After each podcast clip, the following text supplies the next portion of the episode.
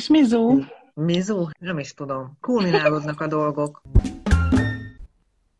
Láttál már szépségreklámot, vagy néztél már meg egy lenyűgöző fürdőruhát, és érezted közben úgy, hogy nem illesz bele? Hogy nem tudsz azonosulni a képernyőn kivetített testtípussal? Ha igen, akkor nem vagy egyedül. Így kezdődik egy indiai website, a The Marketing Lady című marketing trendekről, újdonságokról szóló oldal egyik cikke, amely az úgynevezett inkluzív vagy sokszínű marketing témájával foglalkozik. Később pedig így folytatják. Ha a vásárlóid úgy érzik, hogy nem ismerik fel őket, akkor nagy valószínűséggel elveszted őket.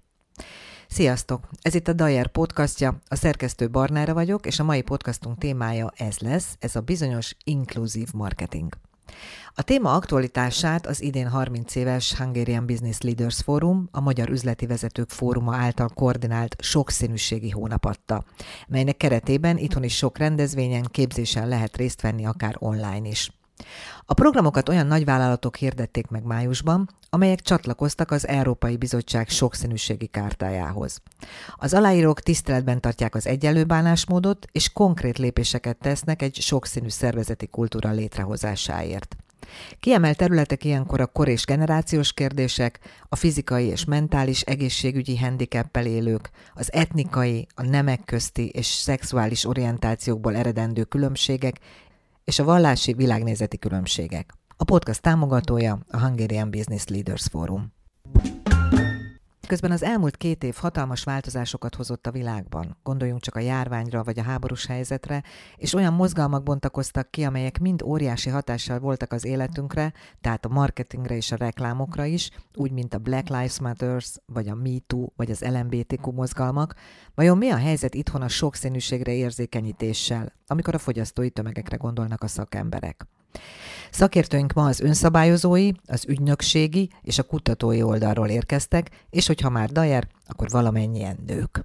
Az első kérdésem pedig úgy szólt hozzájuk, hogy melyik volt életük legsokszínűbb munkahelye, közege vagy projektje. Több mint 20 éve dolgozom az önszabályozó reklámtestületnél. Fazekas Ildikó az önszabályozó reklámtestület igazgatója. Ez az a testület, amelyben a reklámszakma szereplői megfogalmazzák a reklámozásra vonatkozó etikai elveket, szabályokat, és annak érvényesítéséről önszabályozással gondoskodnak. És azt tudom mondani, hogy ez egy igazán sokszínű munkahely, bár maga a titkárság nagyon pici, de a tagjaink nagyon sokszínűek, hiszen a hirdetői oldal, a reklámügynökségi oldal, a média oldal önmagában is nagyon sokszínű. Sok területet lefednek a, a hirdetők az autóipartól, a kozmetikumon át a, az élelmiszeriparig, vagy a gyógyszeripar. Mhm.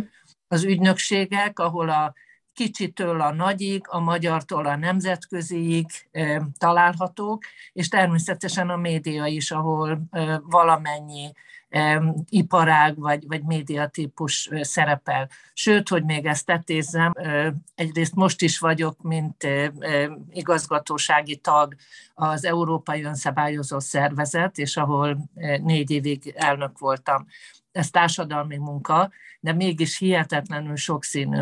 Most éppen Ausztráliától, Kanadán át, Dél-Afrika, Brazília, és persze az európai országok. Mindenki angolul beszél a maga dialektusában, nagyon barátságos.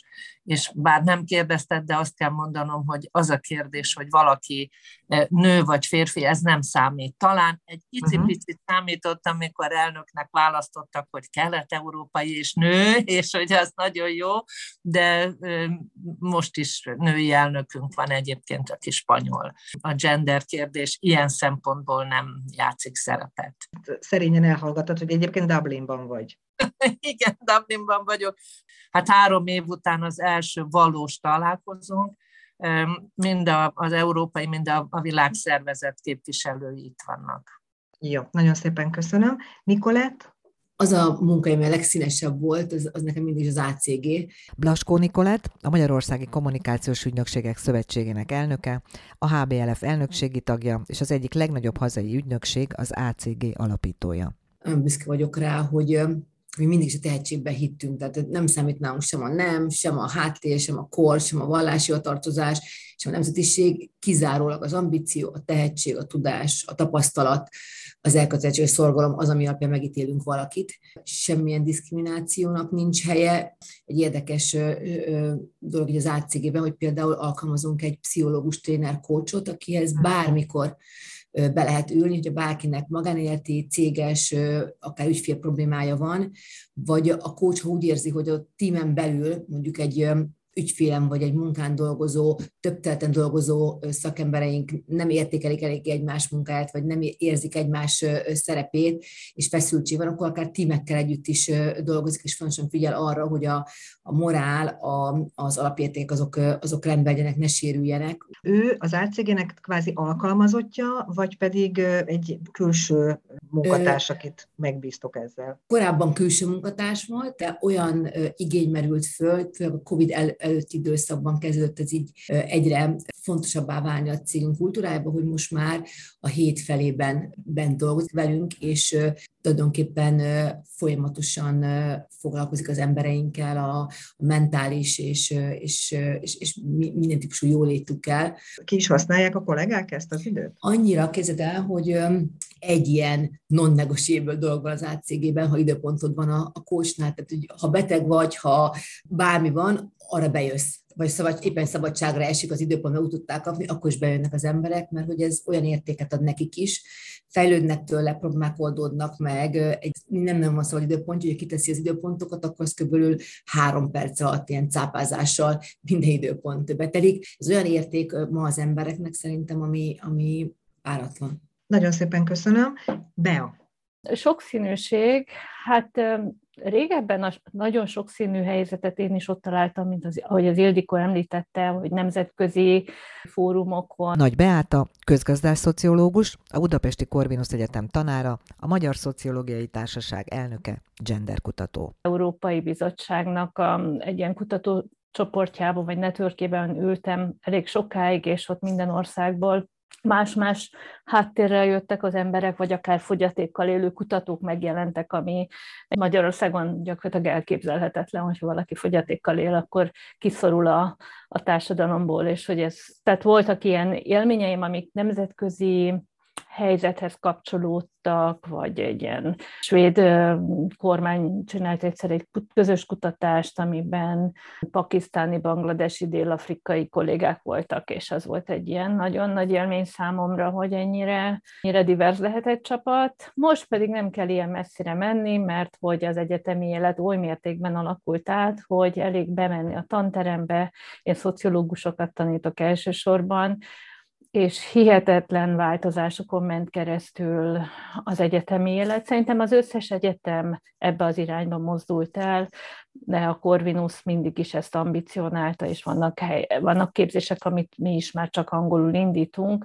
Tehát most képzeljétek el egy olyan tantermet, ahol már a magyar diákok nyomokban találhatók meg, mondjuk 15-ből egy vagy két diák van, és a többiek Ekvádortól, Kirgizisztánon keresztül Jordániáig különböző helyekről jöttek, és, és hihetetlenül motiváltak, és mindig fölteszik azt a kérdést, hogy vajon mi oktató kutatók vajon elég reflektálunk-e arra, hogy mennyire csak az európai és nyugat-európai kánont próbáljuk megjeleníteni a tudományon belül.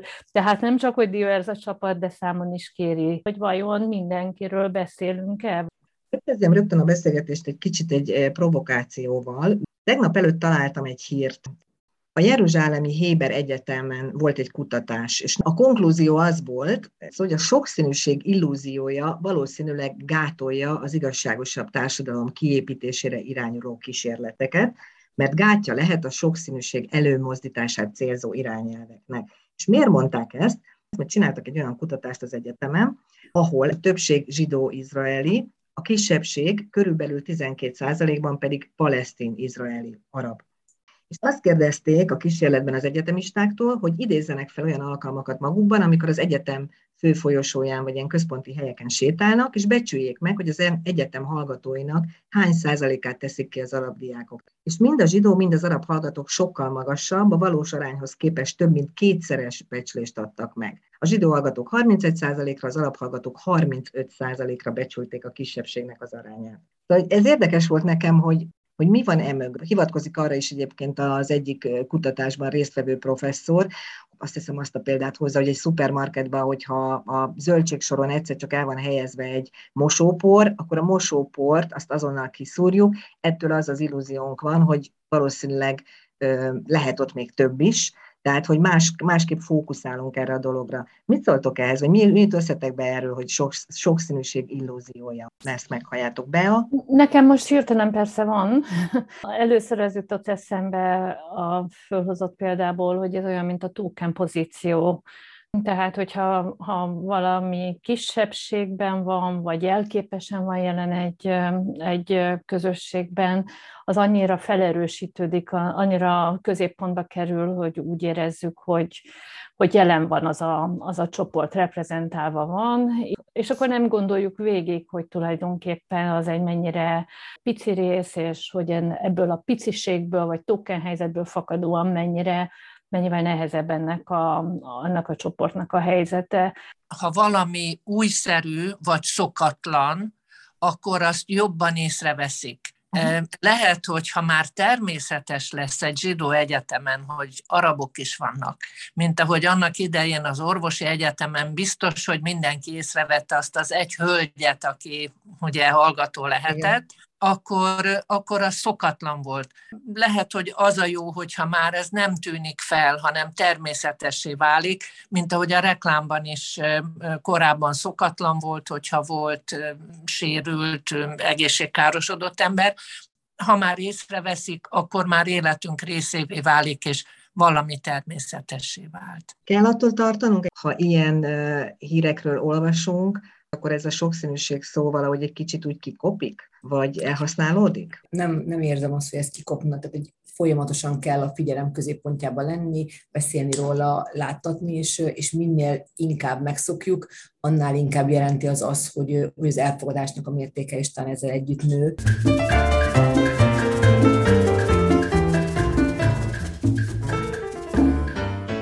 Egy reklámról, egy reklámkampányról beszélünk, az nagyon-nagyon sok emberhez eljut, és lassan remélhetőleg természetes lesz, hogy vannak idősek, vannak fogyatékkal élők a reklámokban, már a nagyi az nem csak a kötényes és a fejkendős, hanem hanem hát olyan, amilyen gyakorlatilag a társadalomban is látható. Tehát szerintem ezek nagyon-nagyon fontos dolgok a jövőre nézve. És egy kicsit még ezt plastikusabbá tudnád annyiban tenni, hogy mondanál ebből néhány példát, de ami tényleg ilyen emlékezetesen jól sikerült, mondjuk egyelőre a jónál maradjunk, amikor, amikor nektek annyi a dolgotok, hogy megnézitek, és azt mondjátok, hogy ez így nagyon rendben van. Mielőtt pozitív példákat mondok, hadd mondjam azt, ami esetleg nem is látszik annyira, mert nem küldik be példaként, de már megjelennek a, uh-huh.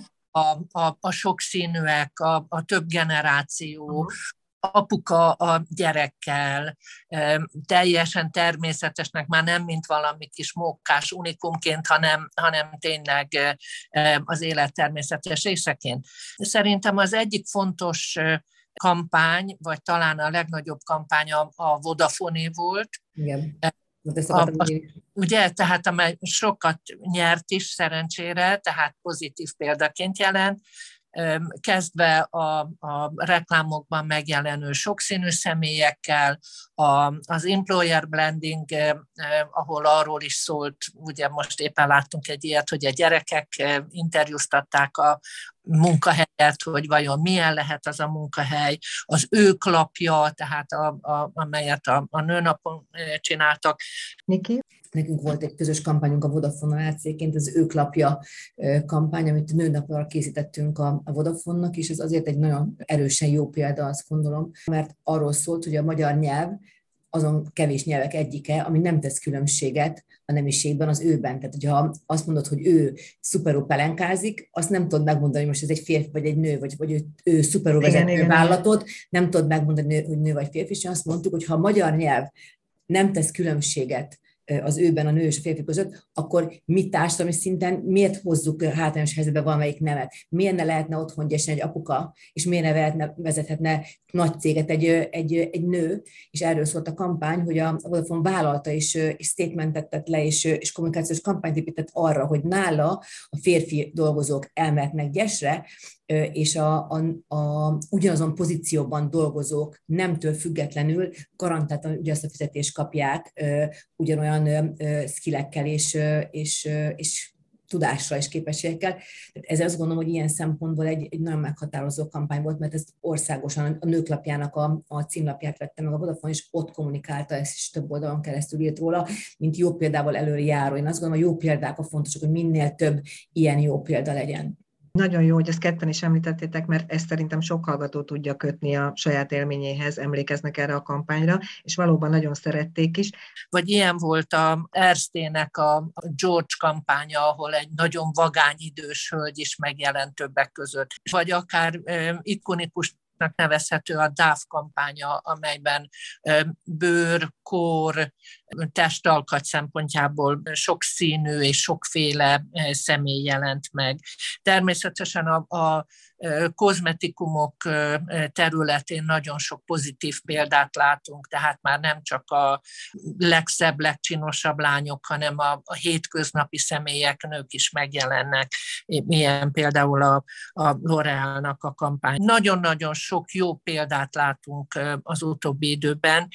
Csatlakozom gyorsan ehhez a gondolathoz, szóval amikre, amiket most is idéztetek, vagy említettétek ezeket a jó kampányokat, amiket nyilván nálam is megjelennek a tanterembe, és beszélünk róla, hogy mit, mit szeretett volna ezzel kifejezni ez és az a cég, hogyan lehet ezt fölhangosítani. Nekem az jutott eszembe, hogy nagyon sokszor ezek tulajdonképpen alapvető dolgok lennének egy emancipált társadalomban, amit az államnak kellene garantálni. Tehát az, hogy fizetésben nincsen különbség a férfiak és a nők között, ez egy, ez egy olyan dolog, amivel 1957-ben az Európai Uniónak az alapjait megteremtették, hogy nincsen bérkülönbség, akkor nagyon, nagyon furcsa, hogy Magyarországon még 2022-ben a cégektől vágyjuk azt, amit tulajdonképpen az államnak kellene felügyelni. Ez az egyik ilyen nagyon fontos dolog. A másik, hogy az apák is mehetnek gyesre, ugye jogilag mindenki mehet gyesre, apa, anya egyaránt.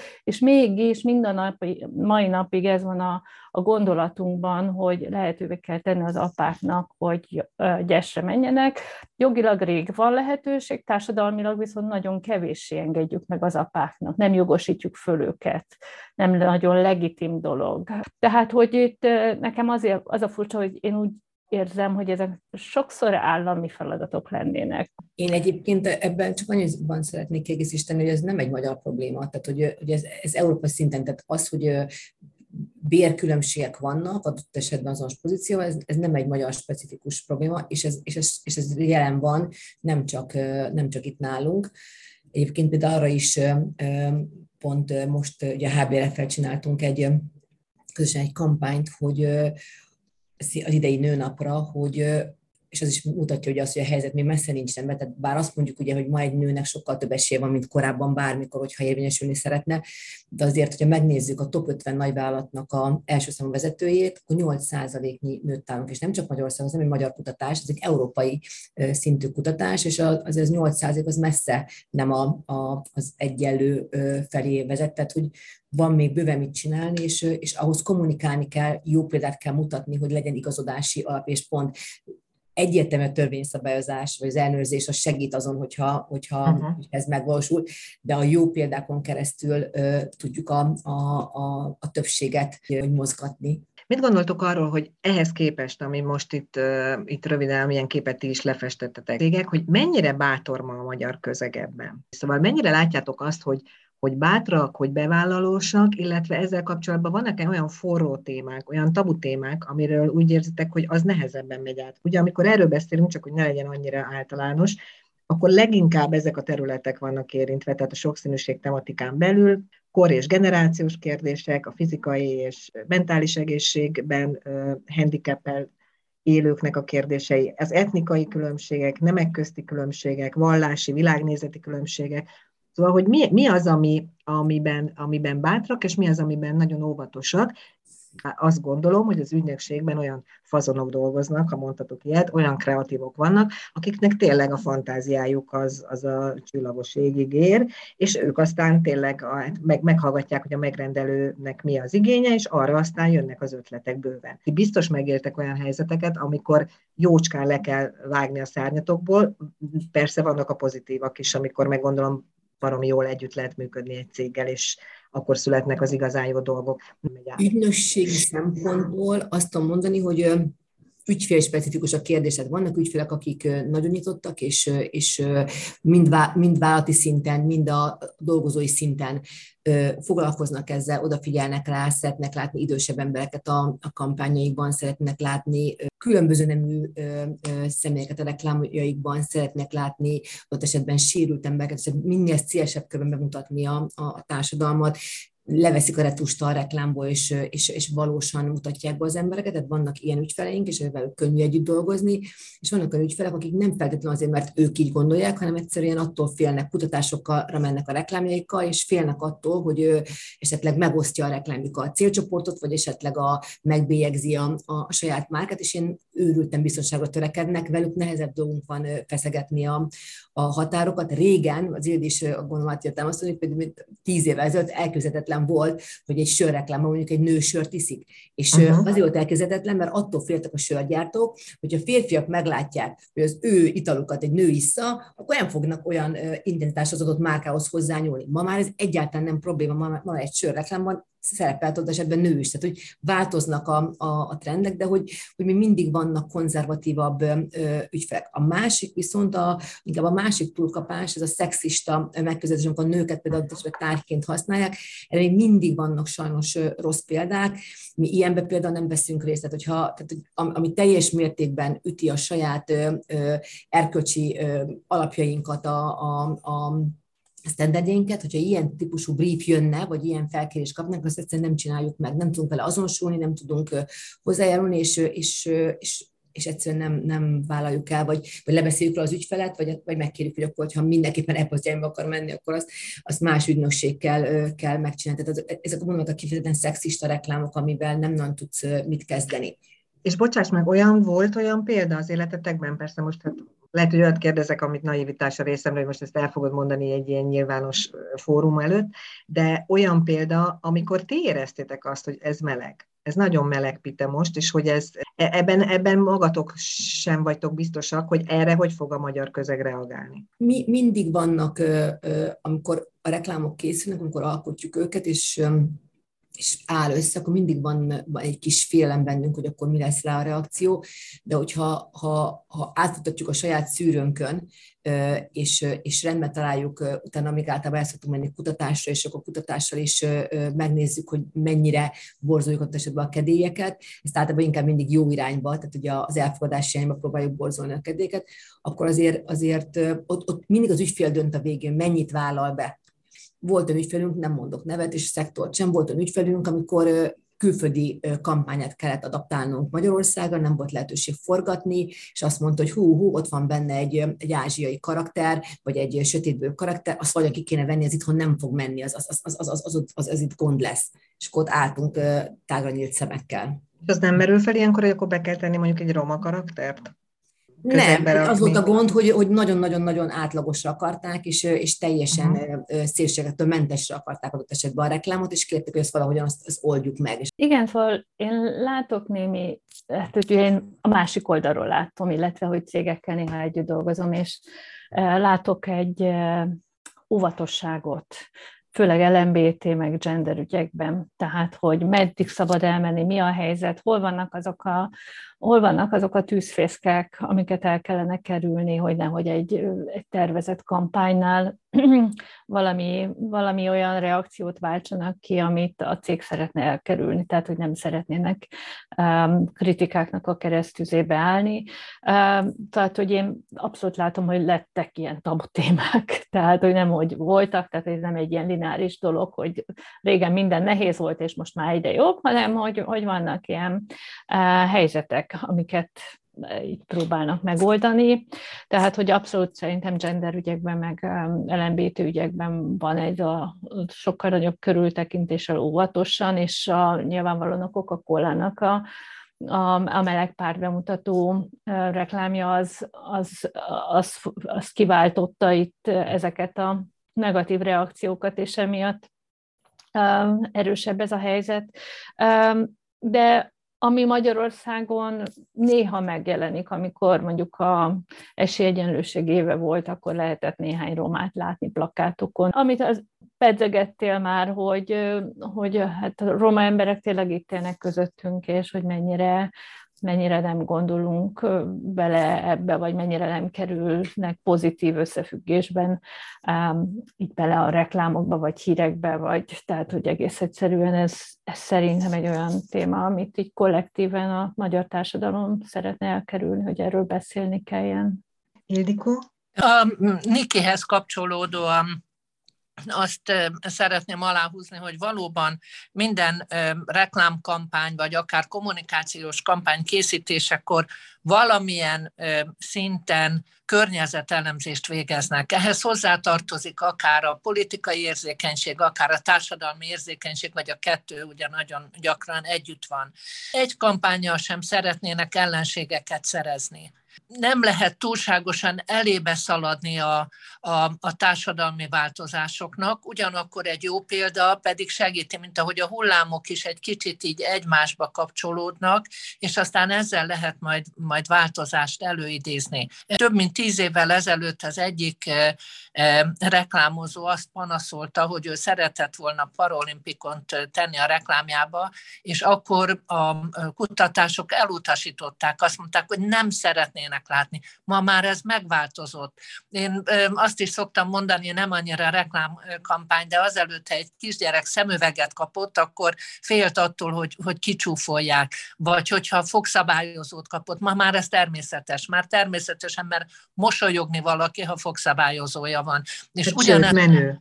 Tehát ugyanez a fejlődés azért a reklámokban is látszik, jó ütemben reagálva az első pici változást kell érezni a reklámozónak, és ha ezt jól megérzi, ahogy Niki is mondta például a, a pozitív példáknál, egyrészt amit a Vodafone csinált, és ahogy kommunikálta, az nyilvánvalóan felerősítés természetesé teszi. És ehhez hozzátartozik egyébként még egy olyan apró szelete is ennek a kérdésnek, mint az emberi méltóság kérdése. Uh-huh. Hadd hozzak erre egy, egy jó Coca-Cola példát, amikor kétségbe vonták, hogyha valaki egy picit duci, akkor majd szeretni fogják-e, vagy nem, és erre csinálta Kóla egy olyan kampányt, ahol különböző magasságú, szélességű üvegek voltak, és az volt a szlogen, hogy akárhogy nézel ki, szeretni fognak, vagy akárhogy nézés ki, szeretni fognak. Tehát az, hogy a, az önbecsülés meglegyen, hogy lássák, hogy ő természetes szereplője, hogy megint csak egy ACG kampányt idézek, egy univert, ahol a férfiak a konyhában voltak, vagy a, mhm. vagy a Rossmann kampányban, vagy a, a Vision Expressnél a kortalan nagymama megjelenik, tehát nem kell őt leírni.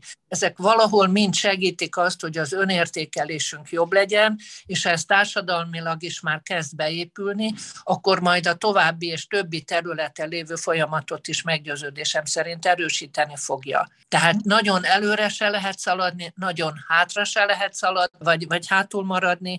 Nagyon-nagyon fontos a jó tempó, és ebben ö, kellenek olyanok, akik élen járnak, akik jó példával járnak élen, vállalati kultúra szinten is, ahogy Niki mondta, és aztán a megjelenő kampányokban is.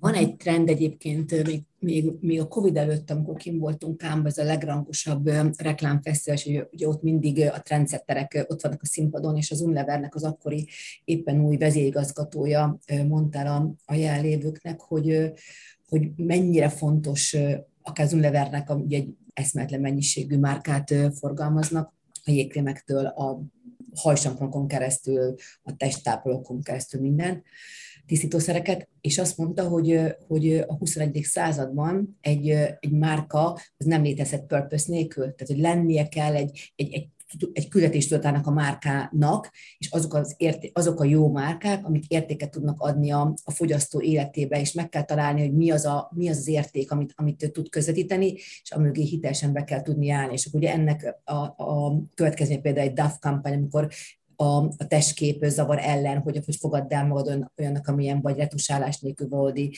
nőket tettek a kampányba. Tehát, hogy ott is egy purpose volt a, a márkának az, hogy a természetesség, az elfogadás, az önbecsülés az mennyire fontos nincs őrülten sok ö, ilyen jó példa, de az, hogy már van ilyen, ö, és itt is tudnám azt mondani, hogy jó lenne, ha nem kéne ilyen kampány, tehát az lenne a jó, ha nem lenne szükség arra fölhívni a figyelmet, hogy jó lenne, ha el tudnád magad fogadni, és a természetes a normális, tehát az lenne a szuper, ha nem kéne, de ha, ha már van egy ilyen probléma társadalmi szinten, akkor jó, ha vannak olyan márkák, ilyen komoly purpose akik ebbe beleállnak, és, és, és tematizálnak ebben. Tehát ezek borzasztóan fontos statementek, ezek megkavarják utána a vizet, párbeszédeket generálnak, mindig úgy van, hogy elmennek a két szélsőség irányába, és elkezdenek középre beállni a normalitás szintjére. Ez a feladata a, a komoly márkáknak, és, és ehhez, e, ehhez kell egy jó ügynökségi partnerek ezt jól tudja megvalósítani.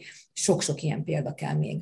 Engem, bocsánat, igen, engem nagyon érdekelne a jelenlévők tapasztalata azzal kapcsolatban, hogy, hogy a fogyatékkal élők, mintha ha jobban meg tudnának jelenni ezen a területen, most arra gondolok, hogy ugye nem mindegy, hogy milyen fogyatékkal élők, de például mozgássérültek, tehát most a Fashion Week-en is um, olyan modellek jelennek meg, akik, um, akiknek esetleg implantátum van a lábuk helyén, meg, tehát, hogy már egy ideje szinte divat is behozni őket mondjuk egy ilyen divatiparba, vagy, vagy a downkórosoknak, akiknek olyan kedves, barátságos arcuk van, ezt most így idézőjelbe szerettem volna mondani, tehát van róluk egy ilyen kép, hogy ők kedves emberek, fiataloknak a címlapra kerülése, ilyen női lapok esetében, tehát, hogy számomra úgy tűnik, hogy mintha a fogyatékkal élőknek a behozása ebbe a, ebbe a, ebbe a területbe sokkal könnyebben menne.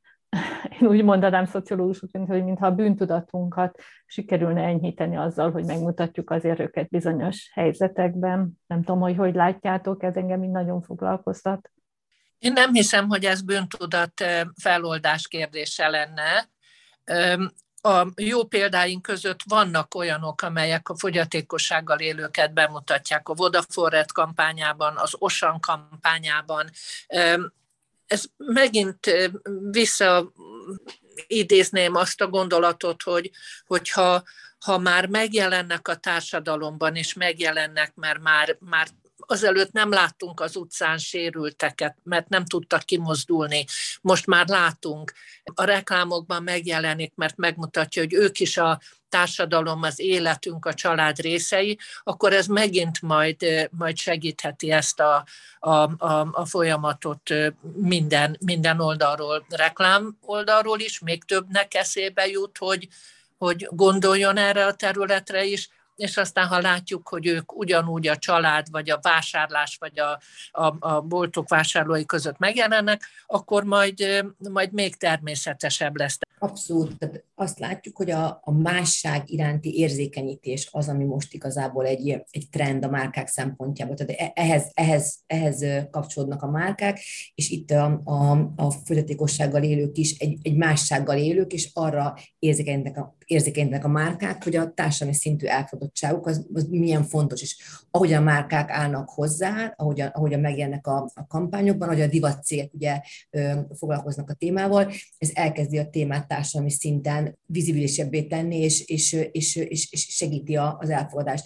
Nem, nem érzem könnyebbnek feltétlenül, mint ott esetben a, a gender kérdést, vagy a, vagy a, a LMBTQ kérdést, azt gondolom, hogy minden típusú másság bemutatása az, az ütközhet akadályokba, vannak olyan szervek, akik viszont ezeket az akadályokat átlépik, és azt mondják, hogy, hogy ők emellett leteszik a voksot, és emellé ők odaállnak, még akkor is adott esetben a kockázatosabb mint hogy az idősek is. Az idősek ábrázolása, ha belegondoltok, a reklámokban nem voltak jelentett, hogy nem volt célcsoport a 60-70 fölötti. És abban a percben, hogy elkezdtek az Instákon, a Facebookon az idősebb modellek kommunikálni, elkezdtek szerepet kapni, elkezdtek menő közegben megjelenni. Tehát az egész idős kérdés az elmúlt 5-10 évben teljesen megváltozott. Máshogy állunk hozzájuk, csomó lehetőséget látunk most már, már belé, és ők maguk is sokkal több lehetőséget látnak magukban.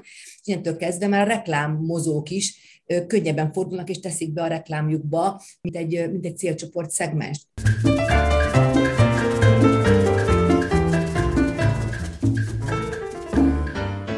Mennyire láttok ti abba bele, vagy milyen háttértudásotok van, akár ilyen informális csatornákon keresztül is, hogyha egy cég valóban egy értékközvetítést szeretne mondjuk egy reklámkampányon keresztül elérni, akkor ahhoz képest mennyire önazonos a cég ebben? A kérdést, van-e olyan, hogy egy cég kvázi lebukik azzal, hogy igazából az, ami, ami, amit kifele értékként próbál akár egy, egy kampányban közvetíteni, az, az belül nem feltétlenül tud érvényesülni a saját vállalati kultúrájában. Hát, hogy nem az online térben már nincsenek titkok. Egy cégnek a hitelesség az most már egy, egy alapelvárás egy céggel szemben, mert hogyha nem hiteles, akkor ez utána ki fog menni, és minél hangosabban kommunikál egy téma mellett, és minél kevésbé hiteles azzal, azzal a témával kapcsolatban, annál nagyobb botrány fog köré kerülni, hogyha esetleg valaki ezt kiteszi az Instára, Facebookra, a YouTube-ra, sokkal közvetlenebb a fogyasztói kapcsolat, tehát a fogyasztónak a visszajelzése sokkal gyorsabban és sokkal közvetlenebb jut el a, a, a cégekhez és a márkákhoz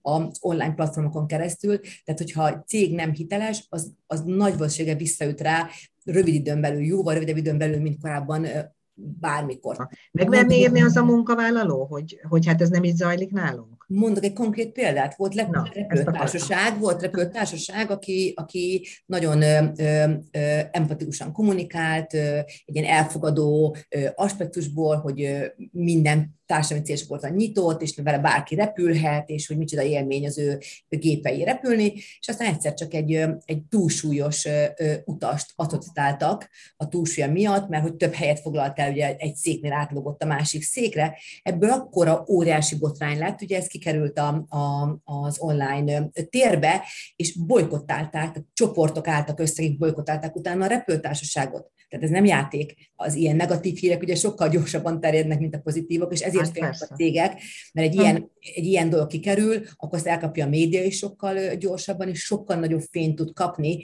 Tehát nagyon óvatosan kell bánni azzal, hogyha valaki hiteltelenül kommunikál. Ez még... De azért ebben nagyon különbözhet az, hogy valaki fogyasztó vagy munkavállaló egy adott esetben. Tehát, hogy egy légitársasággal szemben, hogyha téged atrocitásért sokkal előfelemeled a hangod, mint az adott munkahelyen, ahol a, a főnök főnökkel szembe kell megfogalmazni problémákat, tehát hogy más az agencia egész egyszerűen, és azt nem lehet teljesen figyelmen kívül hagyni. Nem. nem fogok példát mondani, de nagyon nagyra becsült magyar vállalatoknál dolgozó ismerőseim azt mondják, hogy hát igen, a, a hivatalos reklámod otthon az LMBT ügy, és milyen jó náluk ott dolgozni, és ha egyáltalán nem olyan jó dolgozni ott, de nem fogják oda menni, és nem fogják posztolni a közösségi médiában nyilvánvalóan, ez Tehát, hogy... kérdése szerintem. Tehát ez egy azért veszélyes játék a cég uh-huh. részéről, mert most még adott esetben lehet, hogy nem, de ha csak egyetlen egyszer egy valaki úgy dönt, az esetben már elhagyta a vállalatot, és úgy dönt,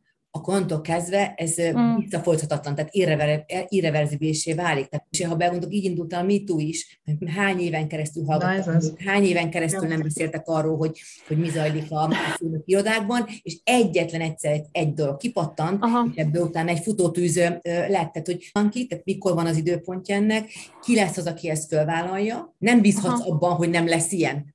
Neki pont jó, hogy ezt a MeToo-t behozott, mert szerintem az, az részben egy jó példa arra, hogy hogyan jönnek el ügyek, és uh, hogyan kezdenek el beszélni azok, akik, uh, akik elszenvedtek ilyen sérelmeket. Másrészt megmutatja azt is, hogy mennyire felületessé tud válni egy ilyen, egy ilyen futótűz, ami után nem történnek lényeges változások, vagy nagyon könnyen visszaáll a régi rend, és visszakerülnek pozícióba azok, akik bizony elkövettek ilyen dolgokat. Tehát, hogy, hogy Ő, tehát azt is látjuk itt volna, hogy még bumeráng hatása is van, hát mert adott neves, esetben. neves televíziós személyiség simán kijelenthető, és nagyon népszerű lesz, hogy én utálom Igen. a MeToo mozgalmat. Pontosan, tehát hogy, tehát hogy volt egy ilyen, egy ilyen nagy gyors átfutása, és akkor rettentő sokan posztolták szolidaritásból, hogy MeToo, MeToo, és akkor ezzel úgy tűnt, hogy na meg is tettük a mi dolgunkat, és, és nem lett igazából a társadalom széles rétegeit elérő vita. Ezzel kapcsolatban vannak kutatások, hogy mennyire nem érte el ez a társadalmat,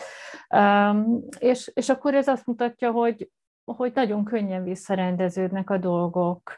Ugyanígy talán a... Ennél, nem értenek tehát, egyet ez, ez, ide, tehát ezért vagyunk itt. Ezek idő kell, tehát hogy ezek, ezek, ne, ezek ilyen mélyen gyökerző társadalmi problémákat nem lehet megoldani egy ilyen óriási bummal. Ez, ez, ez, ezeknek idő kell, és, és igenis van már változás, még ha nem is akkora és nem is olyan mértékű, mint ami ideális lenne, de a változás elindult, egy, egy férvezetőnek, vagy egy producernek, vagy egy filmrendezőnek tízszer meg kell gondolnia most már esetben, hogy hogyan kommunikál, vagy, vagy mit csinál, és mit kockáztat vele.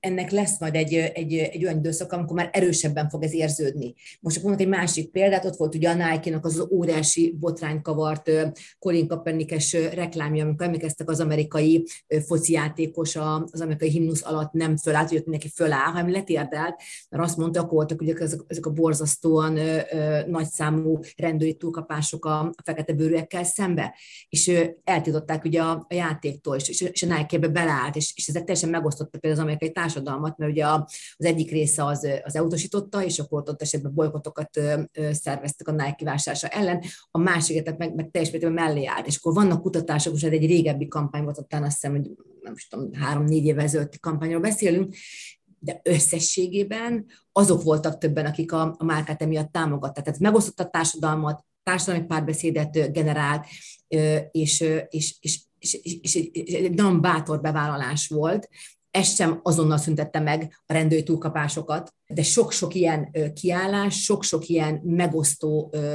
megnyilvánulás elindítja a társadalmi párbeszédet, és, és, és elkezd egy változást generálni, aminek idő kell és, és néha türelmetlenek vagyunk, és nem tudjuk ezt kívánni, mert azonnal változást akarunk, mert nagy volt a vízhang, nagy volt a, a, az awareness, és azt gondoljuk, hogy ez gyorsan fog hatni, de nem. A, a mentalitás lassan változik, nagyon sok effektus kell hozzá, hogy az hogy érdemi legyen, és már nagyon jól mérhető legyen. Ezt szerettem volna csak hangsúlyozni pont itt a MeToo kapcsán, hogy amit említett be, a véleményem szerint az egy egyik része az egész történetnek, mert azt nem tudom, és szerintem nem is lehet mérni, hogy hányan gondolják azóta úgy, hogy nem természetes része a szereposztó dívány a, a castingnak, hogy hány fekete rendőr gondolja meg azóta, hogy, hogy milyen durván bánik egy fekete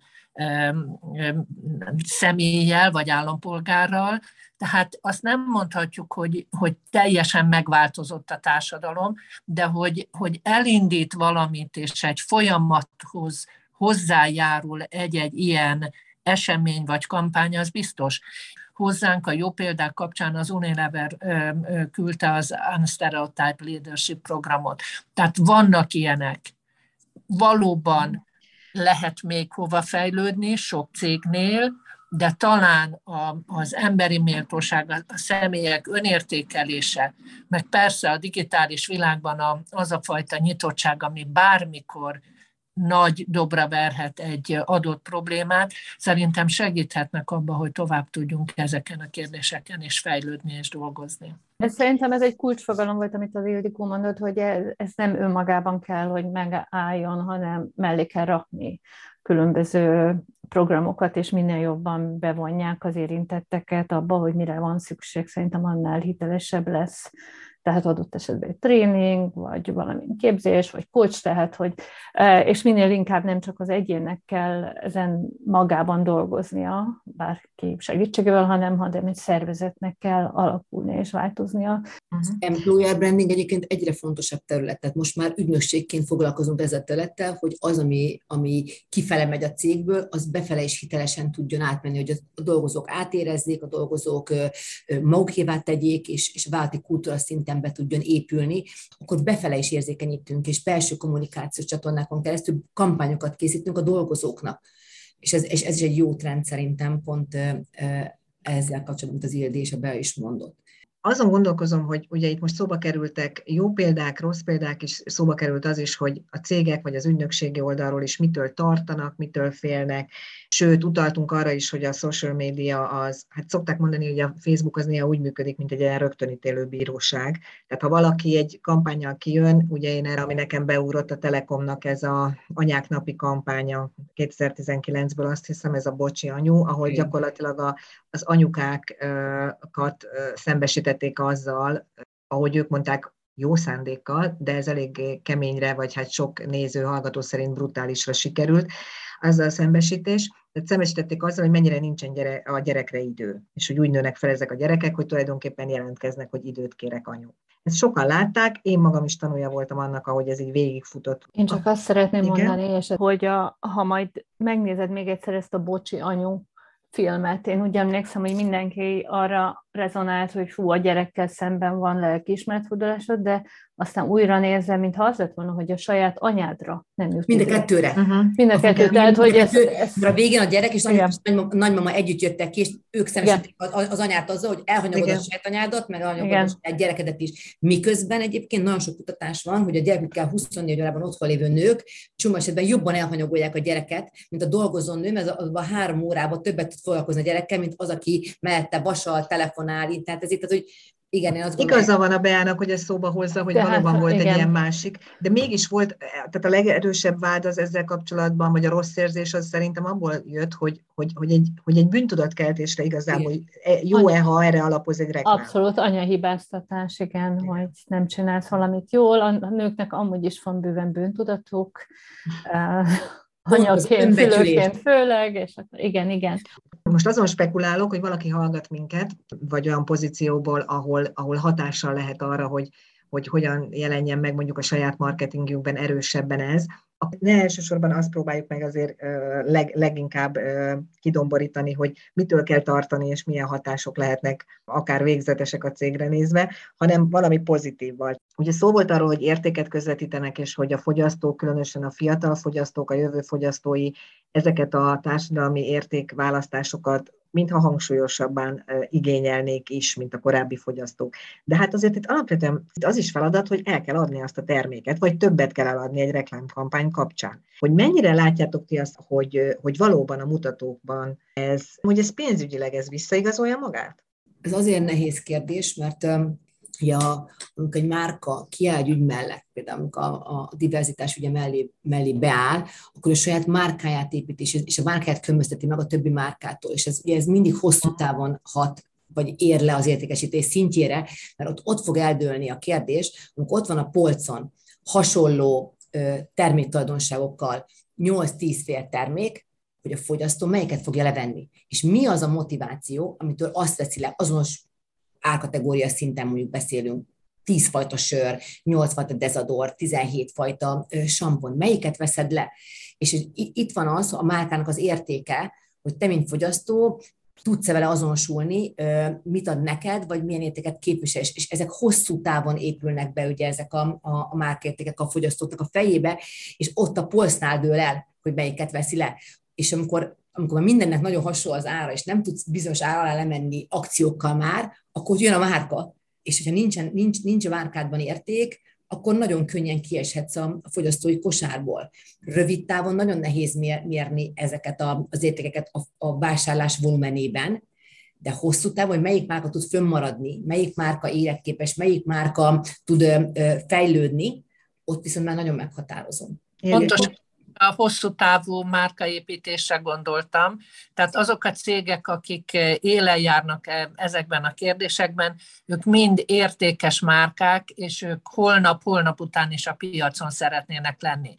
A másik, amit nem Niki mondott, és örülök, hogy én teszem hozzá, hogyha ezeket az értékeket kreatív módon jól fogalmazod meg, nem bántó módon, hogy hülye, aki nem így csinálja, hanem ügyesen. Nekem ilyen volt a, a Like a Girl kampány, ugye a Procternek az Always kampánya, ahol kifigul, vagy megkérdeztek felnőtteket, hogy hogy fut egy lány, és akkor ilyen kis idétlenül futottak, és bejött egy kislány, és úgy futott, mint ahogy normálisan az embereknek futniuk kell, tehát hogy ügyesen, kreatívan, vagy, a, vagy ilyen volt ugye a Vodafone-nak a, a, az ő kampánya ha ezt jól fogalmazzák meg, akkor az hosszú távon is jól tud szerintem hozzájárulni a márkaértékhez is, és az értékesítéshez is. Ezeknek mind-mind együtt, jó csillagok együttállása kell ahhoz, hogy, hogy rövid távon is hasson, de egyébként a cégek számára a, az érték az, az egyre lényegesebb lett, és szerintem ez a jövőben is így lesz hogy amikor a HBLF-fel készítettük ezt a nőnapi kampányt, a 8% nem elég több esélyt érdemelnek a nők, és kiálltunk az egyenlő esélyek mellett, akkor azt, azt száz, közel száz vállalat írta alá, és ott nem csak aláírták, hogy akkor ők is támogatják ezt, és minden esetben megadnak a nőknek azonos esélyeket, mint a férfiaknak, hanem ott konkrétan vállalásokat kellett tenni, tehát négy-öt vállás fogalmazott meg minden cégvezető a saját vállalatán belül, hogy mit tesz annak érdekében, hogy ez meg tudjon valósulni. És akkor, amikor már száz cég kiáll ilyen ügy mellé aláírással, a cégvezető aláírásával, és a nyilvánosan a, a, a négy-öt vállalással, azért annak már szintén van egy, egy, egy társadalmi értéke, és van egy, egy társadalmi hatása, mert utána ez, ez, ez utána el fog kezdeni lefelé a, a, a KKV szektor felé is lefolyni. És ezek a jó kezdeményezések, és én mindig abban hiszek, a jó példákkal kell előjárni, és minél több jó példa kell hozzá, és minél hangosabban kell a jó példákat a nyilvánosság felé kommunikálni, hogyha társadalmi változást akarunk elérni. Bea? Hát ugye ez volt az eredeti kérdés hát erre, hogy ez megéri -e. Nyilván megéri, különben akkor nem csinálnák a cégek, tehát hogy azért szociológusként mindenképpen fontosnak tudom hozzátenni, hogy ezek nem, nem azért készülnek elsősorban, hogy én, mint vevő fogyasztó jobban érezzem magam, hanem, hanem mert keresik ezeket a ezeket a témákat a cégek, amelyek, amely, ahol a cégnek az érdeke, meg a fogyasztónak az érdeke összekapcsolható.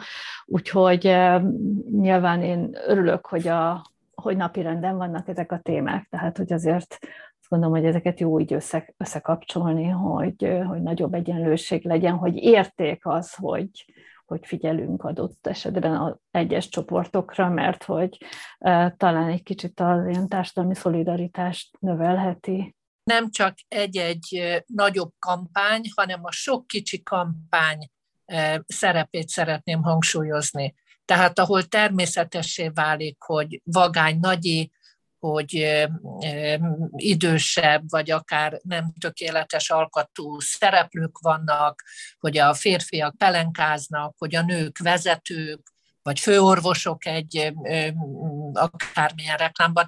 Tehát szerintem ezek nagyon sok olyan apró jelet tudnak adni, amelyek segíthetnek abba, hogy részben a fogyasztó magára ismerjen, természetesnek vegye azt úgy szép, finoman, ami korábban talán nem volt természetes. És nagyon büszke vagyok arra, hogy nagyon sok jó példa van most már a, a e, reklámokban, és nem lesz még a jövőben is. Köszönöm. Niki? Én azt gondolom, hogy ez egy nagyon komoly társadalmi felelősség, és ez mindannyiunk felelőssége mi például azt csináljuk ügynökségként az ACG-be, hogy nem csak a márkákon keresztül állunk oda ügyek mellé és, kommunikálunk, hanem olyan, olyan ügyek mellé, ahol nincsen pénz, ahol, ahol nincs lehetőség kommunikációs ügynökséget megbízni, de társadalmat kell benne, társadalmi szinten kell benne tematizálni, vagy felhívni a, a figyelmet rá, ilyen például a családon belüli bántalmazás kérdése, vagy a, a mássággal élőknek a társadalmi integrációja, mi minden évben kiválasztunk az egész csapat együtt négy-öt olyan ügyet, amit mi fontosnak gondolnánk, vagy amit, aminek azt gondoljuk, hogy méltatlanul kicsi a, a, a társadalmi vízhangja, és azt pro teljesen pro kommunikáljuk, és elkészítjük hozzá kommunikációs anyagokat, és segítünk csatornát szerezni hozzá, hogy ez, ez eljusson a fogyasztókhoz. Tehát minél többen gondoljuk úgy, hogy társadalmi ügyek mellé kell állnunk, és, és azt kommunikálnunk, annál gyorsabban fogunk tudni társadalmi változást elérni. Tehát nem, nem csak a márkáknak kell jól kommunikálnia, hanem a kommunikáló ügynökségeknek is segítenie kell az én ügyeket, a társadalmi szervezeteknek is, tehát minden, a társadalom minden szintjén be kell ebbe szállnunk, hogyha azt akarjuk, hogy érdemi változás történjen. És magánemberként is adott esetben ki kell állnunk. Hát igen, ezt akartam mondani, hogy saját példánkkal. Felelősség is van. Igen, tehát hogy, hogy, hogy, hogy, tehát, hogy minden szinten ennek, ennek keresztül kell menni ahhoz, hogy ez, hogy ez valódi változás, mérhető és érzékeltő változást tudjon hozni. Csak megerősíti bennem, hogy, hogy nagyon fontos, hogy mindenféle szinten formálisan, informálisan edukáljuk a környezetünket, magunkat. Szerintem a marketing oktatás sem ártana egy kicsit edukálni, ahogy látom, néha más paradigmában vannak, mint aztán a gyakorlat. Tehát, hogy, hogy minél több hely, színhely van arra, hogy, hogy helyszín, hogy erről hogy beszéljünk, és ne csak úgy hétköznapi beszélgetésben, hanem kicsit így tudatosabb állapotban, annál jobb lenne szerintem. A mai podcastban a sokszínű vagy inkluzív marketingről beszélgettünk Fazekas Ildikóval, az Önszabályozó Reklámtestület igazgatójával, Blaskó Nikolettával, az ACG ügynökség alapítójával, és Nagy Beátával, a Budapesti Korvinusz Egyetem oktatójával. A sokszínűségi hónap eseményeiről olvashattok a sokszínűségikárta.hu oldalon, mi legközelebb podcastunkban még mindig ugyanennek a májusi akciónak a keretében az LMBTQ emberek esélyegyenlőségei kérdéseinek munkahelyi lehetőségeit járjuk majd körül. A Dayer.hu korábbi podcastjai is visszahallgathatóak az Anchor és Spotify csatornáinkról, kövessetek minket a Facebookon és az Instagramon, és iratkozzatok fel a YouTube csatornánkra. Köszönet a figyelmetekért, Barnárát hallottátok.